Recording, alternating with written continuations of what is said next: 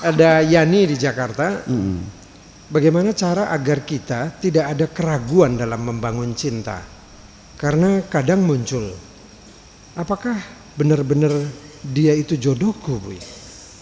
Nah, dalam membangun cinta, apalagi sudah niatan pengen benar mau kawin berumah tangga, ya jangan tergesa-gesa dan jangan terlalu hmm, menyebabkan buta hati, buta mata karena sudah kadung cintanya udah berlebihan, karena kecantikannya yang luar biasa sehingga otak kamu menjadi tumpul.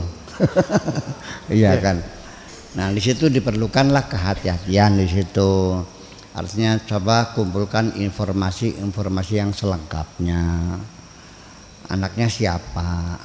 Bapaknya siapa? Ibunya siapa? Sekolahnya di mana? Mesarnya atau enggak? Bisa baca Quran enggak? Nguye bari ngadeg bari dodok. ya kan?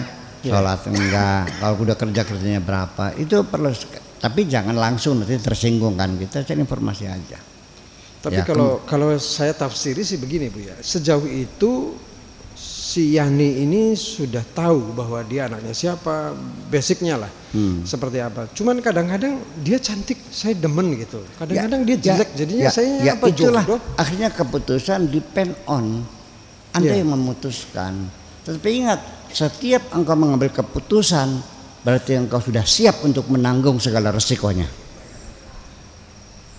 Ya, tapi... Ternyata, waduh, segala pedewek pecahkan ngelawan. ya sampai dianya sudah jadi kiai, sudah jadi ustadz, sering ceramah. Ternyata istrinya masih pakai hot pen saja. Beli cewek pisan. Saya tegur, eh, neng, suamimu itu orang baik ahli agama orang soleh menasihatin orang kan nggak pantas kalau kamunya tidak menampilkan tuh ya biarin aja. Yang jadi kiai kan suami saya. Saya kan bukan kiai. Gagal kan? Ya. seperti itu terjadi. Dan itu bukan katanya. Iya. Yang suaminya begitu hebatnya istrinya nggak bisa baca Quran coba. Wis dodok bari nongkrong nganggo hot pen pisan makan dodok. Ya kan seperti itu. Nah kalau begitu ya anda jangan menyesal anda yang ambil keputusan anda bertanggung jawab yeah. nah sini kan persoalannya kan akhirnya nah setelah begini setelah anda melihat di, di anus kekurangannya udah kelihatan semuanya tapi kadang-kadang kami sudah kadung cinta, ya tetap melangkah juga, melamar juga kan? Iya. Yeah. Ya itu kalau salahnya. Hmm. Ya kan begitu. Sampai datang ke saya minta istikharah. Sudah saya katakan ini hasilnya jelek. Ya tetap melangkah juga kok. Ya sembeng aja takon maning. kalau begitu nggak usah nanya lagi dong. Yeah. Jadi malah saya jadi nggak enak kan gitu. malah salah jadi istri dulu Buya tuh nggak setuju cih yeah. itu kan on ya, banget paham.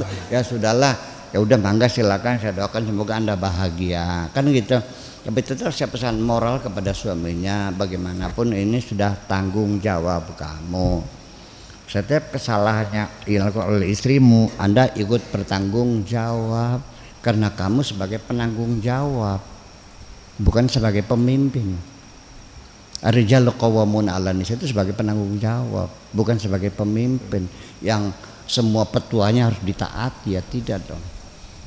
Dalam berumah tangga itu ya keputusan kita hasil musyawarah bersama. Jangan menjadi suami yang otoriter. Sakit istrimu itu dipaksa-paksa terus tuh. Paham dikit ngomong